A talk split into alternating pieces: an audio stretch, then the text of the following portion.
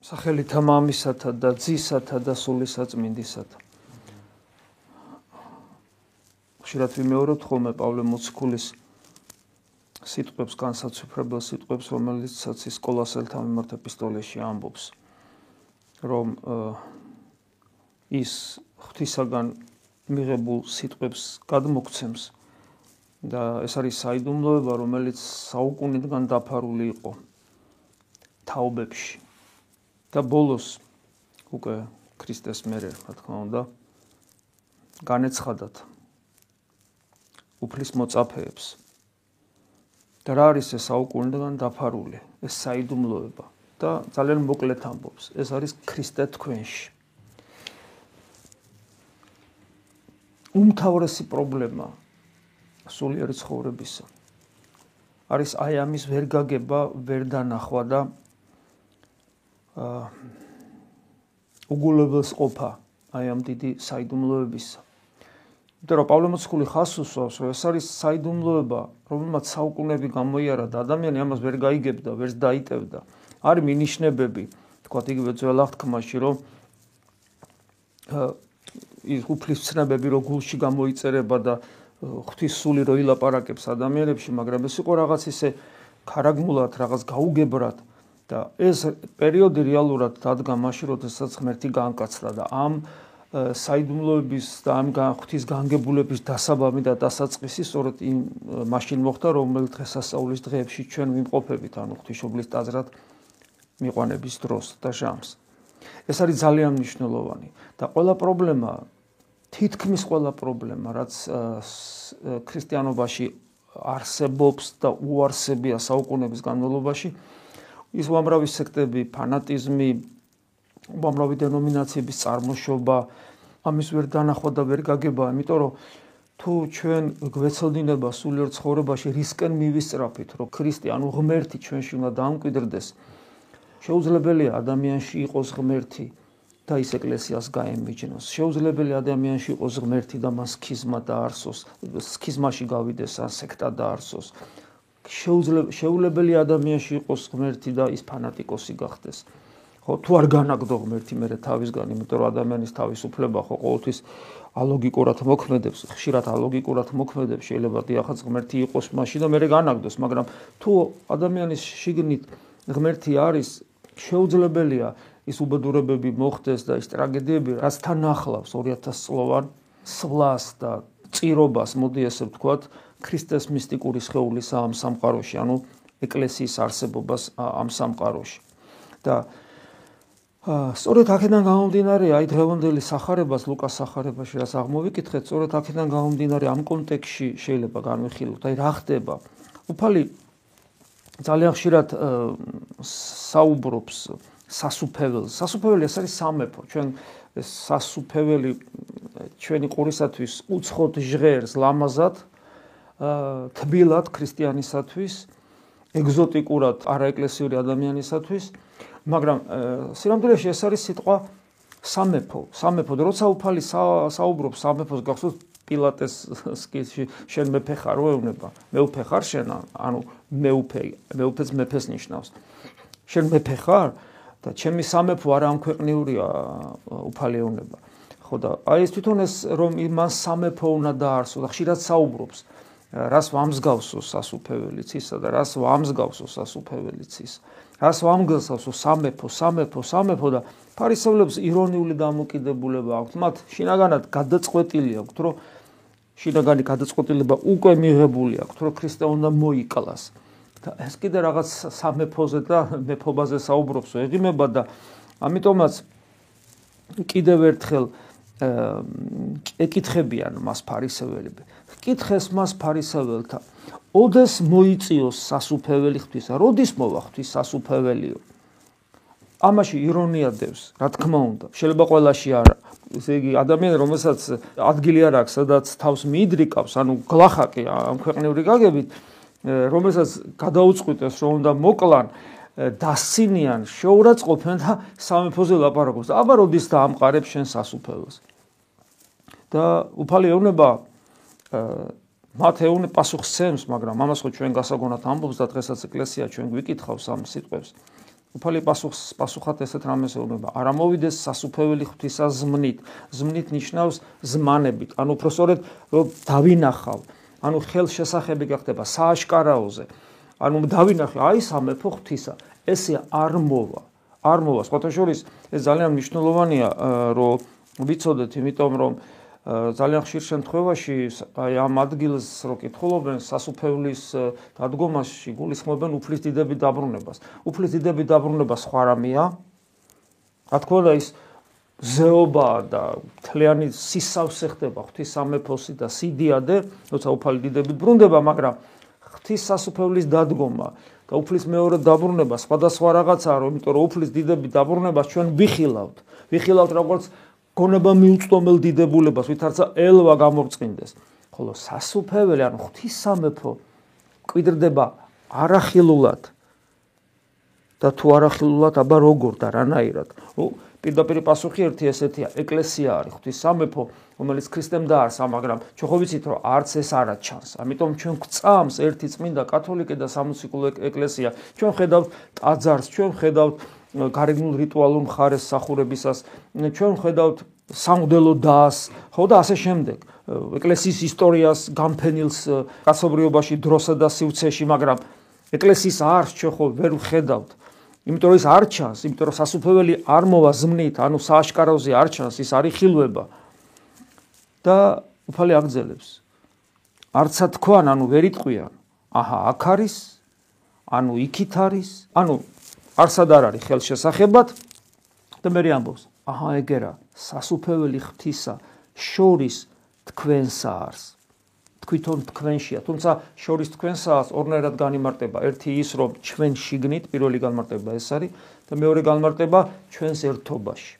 და აი სწორედ აი ამაზეა საუბარი რაც მე თავიდან გითხარით კოლოსელთა მიმართ ეპისტოლე როცა ამბობს რომ ეს არის საიდუმლოება ღმერთი მკვიდრდება ჩვენში. მიზეზი გასაგებია იმიტომ რომ მიიღო ადამიანური ბუნება რომელშიც დამკვიდრდა. შესაბამისად თუ მე ვეზიარები მას ღმერთს განკაცებულ ღმერთს მაშინ მეც მენიჭება შესაძლებლობა რომ ჩემშიც დამკვიდრდეს. და ამიტომ სამეფო განიცდება ღვთის სამეფო განიცდება ჩვენ შიგნით. კიდევ ერთხელ გვახსენდება სულმონახალი ღვთისმეტყველის სიტყვები რომ ვინც ამას არ განიცდის ის ქრისტიანად ტყუილ უბრალოდ იწოდება. ნუ იწოდება ასად ადამიანი ქრისტიანად, იმიტომ რომ ის არ არის სინამდვილეში ქრისტიანი, ვინც ღმერთს ღვთის სამეფოს საკუთარ თავში არ განიცდის. მოწაფეებს ესაუბრება კვლავ და ესეთ რამეს ეუნება ჩვენს გასაგონად. დარქვა მოწაფეთა. მოვლენან დღენი ოდოს გული გითქმიდეს თქვენ დღეთათვის ძისა კაცისათა ხილვათ და არაიხილოთ. ანუ ყოველ ადამიანის ცხოვრებაში დგება, რა თქმა უნდა, ესეთი პერიოდი. ჩვენც გქონია ალბათ, როცა ღმერთს ვერ განვიცდით, ვერ უგზნობთ, ღმერთო სადახა, როცა ადამიანი მიტოვებულობას გზნობს ღმერთისაგან. და რა თქმა უნდა, როცა გლობალური კატასტროფები ხდება, მაშინაც არის ეს და ალბათ ერთ-ერთი უმძიმესი რაც შეიძლება და გამოცდა ქრისტიანებისა, მაშინ იქნება, როდესაც უფლის დაბრუნების წინა პერიოდი ანტიქრისტეს გამეფების ჟამი იქნება და როცა იქნება მართლა უსამართლობის ზეობა და ქრისტიანისათვის დედამიწაზე რო ადგილი აღარჩება, იმიტომ რომ უფალის მე ამბობს, რომ სადაუბრუნდები ვიპოვი კი ას არწმუნოებას, ანუ ესეთი მძიმე პერიოდი დგება, მაგრამ თითოეული ადამიანის, თითოეული ინდივიდის ცხოვრებაში პერიოდულად ესეთი პერიოდები დგება და ამიტომ უფალი გვეუბნება, რომ თქვენ გული გეტყვით, რომ აბა სად არის, სად არის ღმერთო? და მე ამბობს? და ნუ და ქრქვან თქვენ, აჰა, აქ არის, აჰა, იქ არის, ნუ გახვალთ, ნუცა შეუდგებით, ანუ ნურც გახვალთ და ნუცა გაყვებით ვიღაცას. ასეთ სიტყვები ხო მარტო აქ არ არის, კიდე სხვადასხვა სახარებებშიც არის გამფენილი მსგავსი სიტყვები და რასასაცილოა, როდესაც ადამიანები რო ამბობენ, რომ უკვე მოსული ქრისტეები არიან და ღმერთები არიან, პირდაპირ წინააღმდეგობაში როგორ მოდის წმინდა წერილთან და პირდაპირ ამის წინააღმდეგარი სახარების სული ეს, იმიტომ რომ რასაც აქ ამ გვაფრთხილებს, რომ ეს არ გააკეთოთ, ზუსტად იმას აკეთებენ. და ამის წინაპირობა ის არის რომ მათ შიგნით არ აქვს სასუფეველი. წმინდა ეგნატე ბრიანჩაინოვი ეს დიდებული ასკეტი мама და მე ყოველას გირჩევთ რომ მისი ასკეტური შრომები წაიკითხოთ. ესეთ რამეს ამბობს ძალიან საინტერესოს და მნიშვნელოვანს რომ ვისაც ღვთის სამეფოს ანუ ღვთის სამეფო იგივე ქრისტე ხო ქრისტე სამეფო ქრისტეს განსდა ვისაც ღვთის სამეფოს, ანუ ქრისტეს განსთა თავის თავში არ აქვს, ის ვერ მიხვდება ვინ არის ანტიქრისტე. ის ვერ მიხვდება იმას, ვინც ანტიქრისტეს სულით მოვა და მას ისე მიიღებს, ვერც კი მიხვდება. როგორც არ უნდა გარეგნულად ის ნიშნებს ეძებდეს. პირდაპირ ესე ამბობს. ძალიან საინტერესო გაფრთხილებაა ეს. ამაზე ჩვენ ხშირად საუბრობთ ხოლმე. მაგრამ აი ხა უბრალოდ წმინდანის სიტყვებს ვიმოწმებ. როდესაც უამრავ ნიშანს ეძებენ, რომ აი აი ეს არის ანტიქრისტეს ნიშანი, აი ეს არის და ეს არის და მაგრამ წმინდა ეგნატი ამბობს და აბსოლუტურად სწორედ, რა თქმა უნდა ის კიდე თავის ხრი წმინდა მამებს ეყრობა, იმიტომ რომ ის ნაშრომები წმინდა მამათა ხუზულებების კომპილაციაა და ამიტომ ძალიან საინტერესოა. ის ამბობს რომ თუ ადამიანი ქრისტეს არ იცნობს, ეს ჩვენი სიტყვებით რო ვთქვა, ანუ თუ ადამიანს არ აქვს გამოცდილება შიგნით თავის თავში ღმერთის ყოფობისა, მას არ აქვს უნარი გაარჩიოს სიკეთე ბოროტებისაგან. ამიტომ ის აუცილებლად შეცდება და აუცილებლად ანტიქრისტეს ვერ იცნობს და შესაბამისად ის შეიძლება მხსნელათაც მიიღოს. ისი მსგავსი მაგალითი წაიწეღან მოტანილია, რაც გითხარით, როდესაც ადამიანები ვერ ხვდებიან, რომ ადამიანი რომელიც ამბობს, რომ მე ვარ ქრისტე და მე ვარ ღმერთი, ის პირდაპირ ეწინააღმდეგება საფრთხო სულს და წარმოგიდგენიათ მაშინ რა რა სულ შეიძლება ატარებდეს.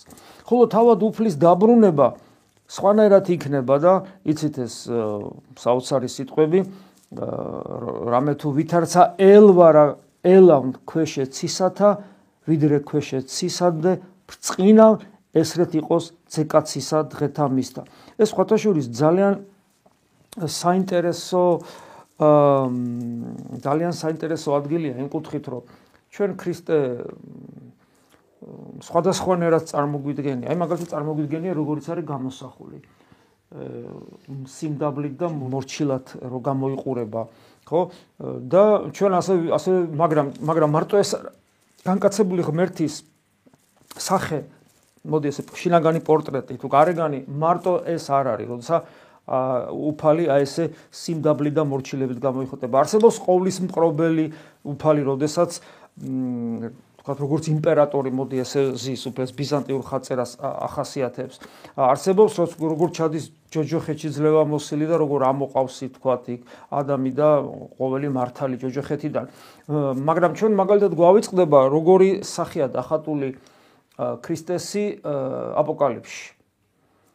გახსოვთ აი საოცარი სახე რომ მისი პირიდან ორლესული מחვილი და ყოველ შემთხვევაში აი რაღაც სხვანაირია რომლის წინაშეც ალბათ მუხლი მოგეკვეთება და დაეცემი და აი ეს კიდევ კიდევ ერთი საინტერესო სახე. ელვა ელვა უბრალოდ ძველი ადამიანისათვის ელვა არის ყველაზე ნათელი მზე და ელვა რომელიც თელ ღამის სიბნელეს ანათებს თან ახასიათებს გურგვინვა ნუ ძალიან სტიქიური ძლიერი მოვლენაა და ქრისტე პირდაპირ მას არის შედარებული და ესე გამოვლინდა. აბანო შეუძლებელია რომ ადამიანს ეჭვი დარჩეს, რომ ქრისტე მოვიდა თუ არ მოვიდა, თუ ეს არის თუ ის არის. ანუ სხვანაირად მოდის, სხვანაირად მოდის და არა ისე თქვათ, რომ ადამიანი იტყვის რომ მე ვარ ქრისტე. სხვანაირად მოდის და მე ამის ლამაზ ინტერპრეტაციას აკეთებს წმინდა ნიკოლოზ კავასილა.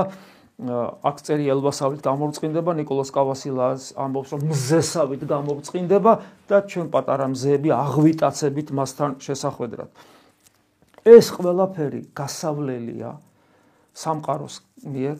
ეს ყველაფერი ჩვენ გადაგხვდება თითოეულ ჩვენგანი. ამის გამოცდილება ექნება, რასაც წერია, ჩვენ გარდაცვლები რომც ვიყოთ, უფალო დაბრუნდება ავსდგებით მკვდრეთით და აა შევეგებებით თუ ვცხონდებით ვითარცა პატარა მზენი იმდიად მზეს მაგრამ ჩვენ როცა ვამბობთ რომ ეს არის ჩვენი გასავლელი ჩვენ არის ჩვენი გასავლელი. ეს ნიშნავს იმას რომ ჩვენ ბევრი რამე გვაქვს აკეთებელი. პირველ რიგში ის რომ როგორც დღევანდელი საკითხავი დამთავრდა ამის მერე როცა ამბობს რომ ის ელვასავით გამობრწყინდება და თავის სიდიადეზე სიდიადეზე გვესაუბრება ღმერთკაცი ამის მერე ამბობს რომ მაგრამ პირველად ანუ ჯერ არს მისა ფრიადვნება შეურაცხყოფად ათესავისა ამისაგან. ანუ მაგრამ მანამდე ჯერმე შეურაცხყოფენ. შეურაცხყოფენ სასტიკი შეურაცხყოფით, მაფრთხებენ, ცემენ და მოკლედ ყველანაირად შეურაცხყოფენ და მე მომკლავენ. მანამდე ეს და ჩვენ ჯვარცმულის მიმდევრები ვართ. ამიტომ ჩვენ რა თქმა უნდა ძალიან უმნიშვნელო და მცირე ნაწილით რადგან ჩვენ მას ქრისტეს შეუდექით და მისი მიმდევარნი ვართ, რადგან უფალმა გაგვაფრთხილა რომ მე თუ მდევნეს თქვენს გდევნიან, ჩვენც გარკვეულწილად ვიწრო და ეკლიან გზას გავდივართ, რომელი ვიწრო და ეკლიანი გზის სვლელობის დროს ხშირად მოხდება ისეთი, როდესაც აი უფლის სიტყვები მოვლენა დღენი, ოდეს გული გითქმიდეთ თქვენ დღესათვის ძისა კაცისა ხილვათ და არა იხილოთ, როდესაც ჩვენ გვექნება საშნელი მოთხოვნილება ღვთისხილვისა და იმიტომ რომ ღვთისაგან მიტოვებულობის განცდა გვექნება, აი როგორც უფალი ყდება ჯვარზე და ღმერთო ღმერთო ჩემ რაისათვის დამიტევემ, აი ეს განცდები იქნება, მაგრამ უნდა გვახსოვდეს რომ ესეც ჩვენი გასავლელია და თუ ჩვენ გვინდა რომ ეს ყველაფერი ღირსეულად გადავიტანოთ, ჩვენ უნდა ვიყოთ სასუფეველის მოქალაქენი და ღვთის, ანუ სამეფოს, ღვთის სამეფოს მოქალაქენი, რომელიც ნიშნავს იმას, რომ ღვთის სამეფო ჩვენში უნდა დამკვიდრდეს. ჩვენ შიგნით პირველი განმარტება ეს არის, როგორც გითხარით, და მეორე განმარტება ჩვენ შორის, ანუ ეს ნიშნავს, რომ ჩვენ უნდა ვექცეოდეთ ერთმანეთს, როგორც ერთი ოჯახის წევრები.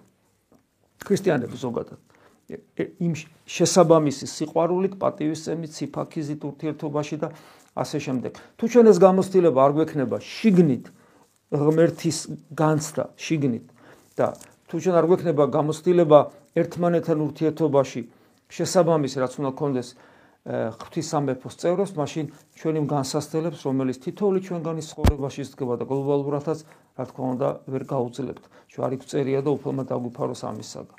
ასე რომ კიდევ ერთხელ დღევანდელი სახარება კიდევ ერთხელ არის ინიშნება და მოწოდება. აი ხო ხო და ვერ ნახავთ, ვერ ნახავთ სახარების საკითხავს. თითქმის შეიძლება ასე ითქვას, სადაც არ იყოს მოწოდება შინაგანი ცხოვრებისაკენ, რომელიც ორ ორნაირად გამოითქმის, ორნაირად, ორნაირად ვლინდება ორი საიდუმლოებით. ეს არის ევქარისტია, რომელიც ზუსტადაც რომ შინაგანი ცხოვრების შინაგანი ცხოვრების ღვთის მსახურება შესაბამისად, იმიტომ რომ თუ არ იქნება შინაგანი ცხოვრება ევქარისტიაში მონაწილეობას უბრალოდ არანაირი აზრი არ აქვს, იმიტომ რომ ვერასოდეს ადამიანი კბილებით ღმერთს ვერ ეზიარება, ღმერთთან ზიარება ხდება გულით და რა თქმა უნდა ისიქაზმი, ანუ გონების მიერი ლოცვა, შინაგანი მყუდროება, შინაგანი მყუდროება იმისათვის რომ ღვთის სამეფო არის უაღრესად ფაქიზი, უაღრესად ფაქიზი და ელია თესბიტელის გავსად უნდა განვიცადოთ ის მწული ნიავი, რომლის განცდასაც ძალიან ძალიან ჭირდება ჩვენი გაფაქიზება და ეს შეუძლებელი ხდება შიგა ცხოვრების გარეშე, რომელსაც ჩვენ სწავლობ სწორედ იმისი მოხმობით.